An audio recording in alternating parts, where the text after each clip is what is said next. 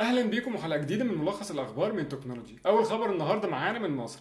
في شركة اسمها جود سمارت الشركة دي عرفت تجيب استثمارات بمبلغ حوالي 750 ألف دولار. فكرة الشركة دي ببساطة هو تطبيق على المحمول لما تخش عليه تقدر تشتري كل متطلبات ال grocery أو البقالة بتاعتك وتجيلك لحد البيت. بس هي مختلفة شوية ببساطة إن أنت بتقدر تعمل الطلبات بتاعتك كلها لحد الساعة 9 لحد الساعة 9 بالليل والطلبات بتجيلك تاني يوم قبل الساعة 6 الصبح. مش بتجيلك في ساعتها on demand يعني مش مجرد ما بتطلب يجي لك الدليفري زي ما بتعمل بالتليفون. لا ببساطة انت بتخش على التطبيق المحمول بتاعهم بتطلب كل اللي حضرتك عايزه. لازم يبقى قبل الساعة 9 بالليل وتاني يوم الصبح بتفتح الباب عندك بيركبوا هم عندك صندوق معزول في بره البيت بيسيبوا فيه الحاجات كلها وبيمشوا قبل الساعة 6 الصبح بتلاقيها موجودة. تاني خبر معانا النهارده من إثيوبيا، إثيوبيا يعني ودي ساعات ميزة الدول الفقيرة شوية عملوا فكرة لطيفة جدا، طبعا هناك الحاجات المسروقة وال pirate عالية جدا لأن ما عندهمش internet connection كويس والناس طبعا إمكانياتها المادية إن هي تشتري software أو تشتري أفلام ضعيفة جدا. فالناس هناك بتوع الأفلام المسروقه بيعملوا إيه؟ زي ما إحنا ساعات مثلا في مصر بن download ال torrents بس انت في مصر بت download عشان عندك انترنت. الناس هناك عملوا جهاز زي ال ATM اللي حضرتك بتخش فيه بتدخل فيه ال card بتاعك تاخد فلوس. بس الجهاز ده لطيف جدا. انت بتدخل فيه memory card وتختار منه الأفلام اللي انت عايزها وينزلها لك على ال memory card بتاعتك وتاخدها تروح. flash memory يعني. فالدول الفقيره على قد ما هي ساعات بتبقى ما عندهاش حاجات كتير ولكن الناس عندها بتحاول تبدأ على قد ما تقدر عشان تتأقلم مع الوضع عندها. بعد كده في خبر تاني كان عن ال e-books أو الكتب الإلكترونية. ويمكن الخبر ده أنا كنت دايما براهن الناس عليه وأنا في الآخر واضح ان أنا طلعت غلط في السنة اللي فاتت على الأقل يعني. أنا كنت دايما مقتنع إن الكتب الإلكترونية هتغلب الكتب المطبوعة. ولكن في إحصائية طلعت بتقول إن في 2016 أول تسع شهور من 2016 الكتب الإلكترونية مبيعاتها قلت حوالي 16% والمطبوعة زادت حوالي 7.5% وده كان عكس توقعات ناس كتير ولكن هم بيرجعوا سبب الزيادة في الكتب المطبوعة دي لحاجة طلعت موضة أكيد حضراتكم كلها شفتوها وهي كتب التلوين للكبار ال coloring books اللي قالوا إن هي بتقلل ال stress أو الضغط العصبي.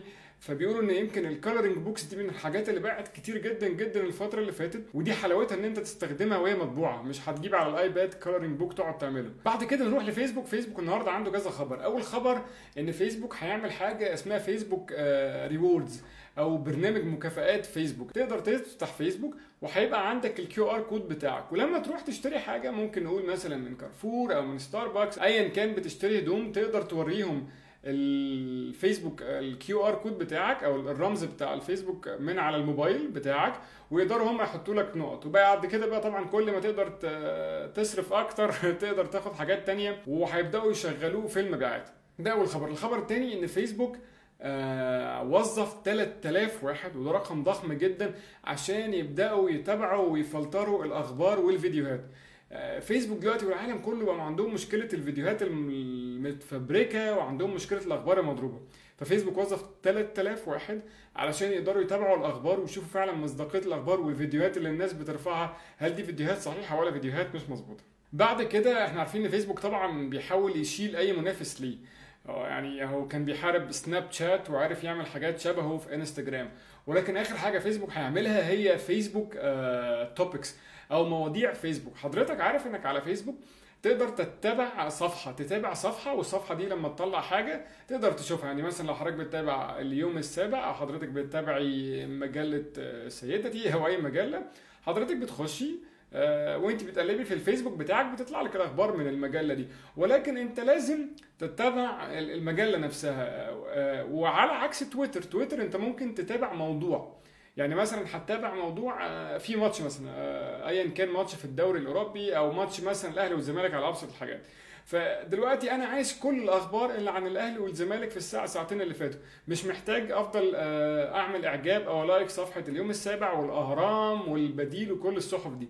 دلوقتي فيسبوك خلاص بيزود الخاصية دي وحضرتك تقدر تتابع موضوع بعينه. ودي طبعا هتفرق جدا جدا إن الناس خلاص مش محتاجة تعمل like أو إعجاب لصفحات كتير عشان تجي لها الحاجة. هي هتقدر تتابع الموضوع بس بحد ذاته ويجي لها الأخبار بتاعه الموضوع ده والتطورات بتاعته من كل الصفحات. الفترة اللي فاتت شركات كتير جدا طلعت أرقامها وأرباحها ولكن في شركة طول عمرها بتجنن الناس بالأرقام اللي معايا وهي شركة أبل. أبل النهارده عندها كاش بحوالي 256 مليار دولار. والكاش اللي مع أبل ده في البنك النهارده آه، 256 مليار دولار.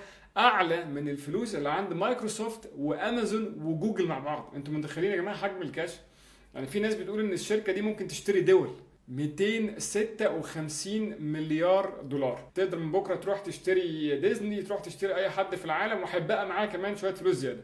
طبعا ما ينفعش نفوت حلقة من غير ما نتكلم عن إيلون ماسك. إيلون ماسك الأسبوع ده عمل حاجتين هنتكلم عن حاجة واحدة منهم المرة دي. وهي إن الراجل ده شاف إن الأمريكان عندهم مشكلة. طبعا ما شفناش إحنا خالص عندهم مشكلة بتقول إن في ناس في أماكن متطرفة في أمريكا ما عندهاش إنترنت كويس. وعشان هو بعيد مش قادرين يوصلوا لهم كابلات إلى أو ما شابه ذلك. فهو قرر يعمل حاجة لطيف جدا بشركة سبيس إكس بتاعته اللي إحنا اتكلمنا عنها إن هي بتطلع صواريخ الفضاء.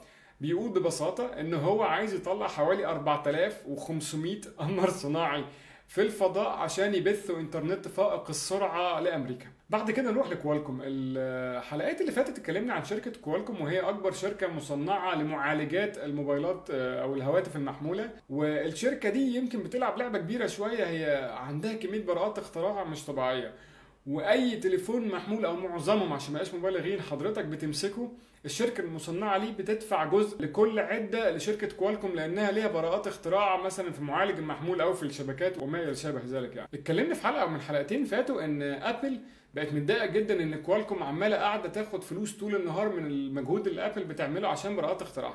وقررت إن هي يا جماعة لا أنا هرفع قضية أنا مش هدفع بعد كده فلوس خالص لكوالكوم كوالكوم الأسبوع ده قالت حاجة لطيفة جدا. هي كمان هترفع قضية عشان تمنع بيع الآيفون في أمريكا عشان ابل مش راضية تدفع. فالاثنين النهارده الشركتين يعني بيناطحوا في بعض بطريقة جامدة جدا. ولكن هل هم هيقدروا يعملوا حاجة زي دي؟ أنا شخصيا أعتقد صعبة. ولكن يعني أنتوا في المنافسة طبعا كل واحد بيحاول يلوي دراع التاني. ابل مش عايزة تدفع. طب التاني إحنا هنوقف لك الآيفون أصلا يخش أمريكا عشان براءات اختراع وان أنت مش عايز تدفع. نروح بعد كده الخبر هو مش تقني قوي أو مش تكنولوجي قوي ولكن خبر لطيف جدا من ضمن التطورات اللي بتحصل في في العلوم في الفترة اللي فاتت إن العلماء أخيرا قدروا آه، يشيلوا الايدز أو الفيروس الايدز بعد الشر عن أي حد يعني من الفئران ودي بداية التجارب. طبعا الايدز من الحاجات اللي كانت مرهقة جدا للعلماء الفترة اللي فاتت. في طبعا بدأوا يقولوا علاج أو ناس تقدر تعيش بيه علاج ongoing أو علاج يعني حضرتك بتفضل تاخده على طول ويعني ما بيحصلكش مضاعفاته. ودي هتكون بداية إن شاء الله إن هم يقدروا يعملوا تجارب على حاجات أكتر يمكن لحد ما يوصلوا للبني آدم ويقدروا يشفوا بني آدمين تماما من الايدز نروح بعد كده لآخر خبر من ال social media وبيورينا قد إيه الناس مجنونة النهارده بال social media وبيتصرف عليها قد إيه. في مهرجان في أمريكا اسمه Fyre Fest كان بتاع موسيقى هيتعمل المفروض والمهرجان ده دفع لواحدة اسمها كاندل جينر وهي يعني واحدة أخت الكارديشيانز كيم كارديشيانز وأخواتها 250 ألف دولار علشان تعمل post واحد على انستجرام عن المهرجان ده. أنتوا متخيلين يا جماعة يعني أنا النهارده راجل عمال أحط صور على الإنترنت طبعا مش راجل هي واحدة يعني ومش أي واحدة يعني.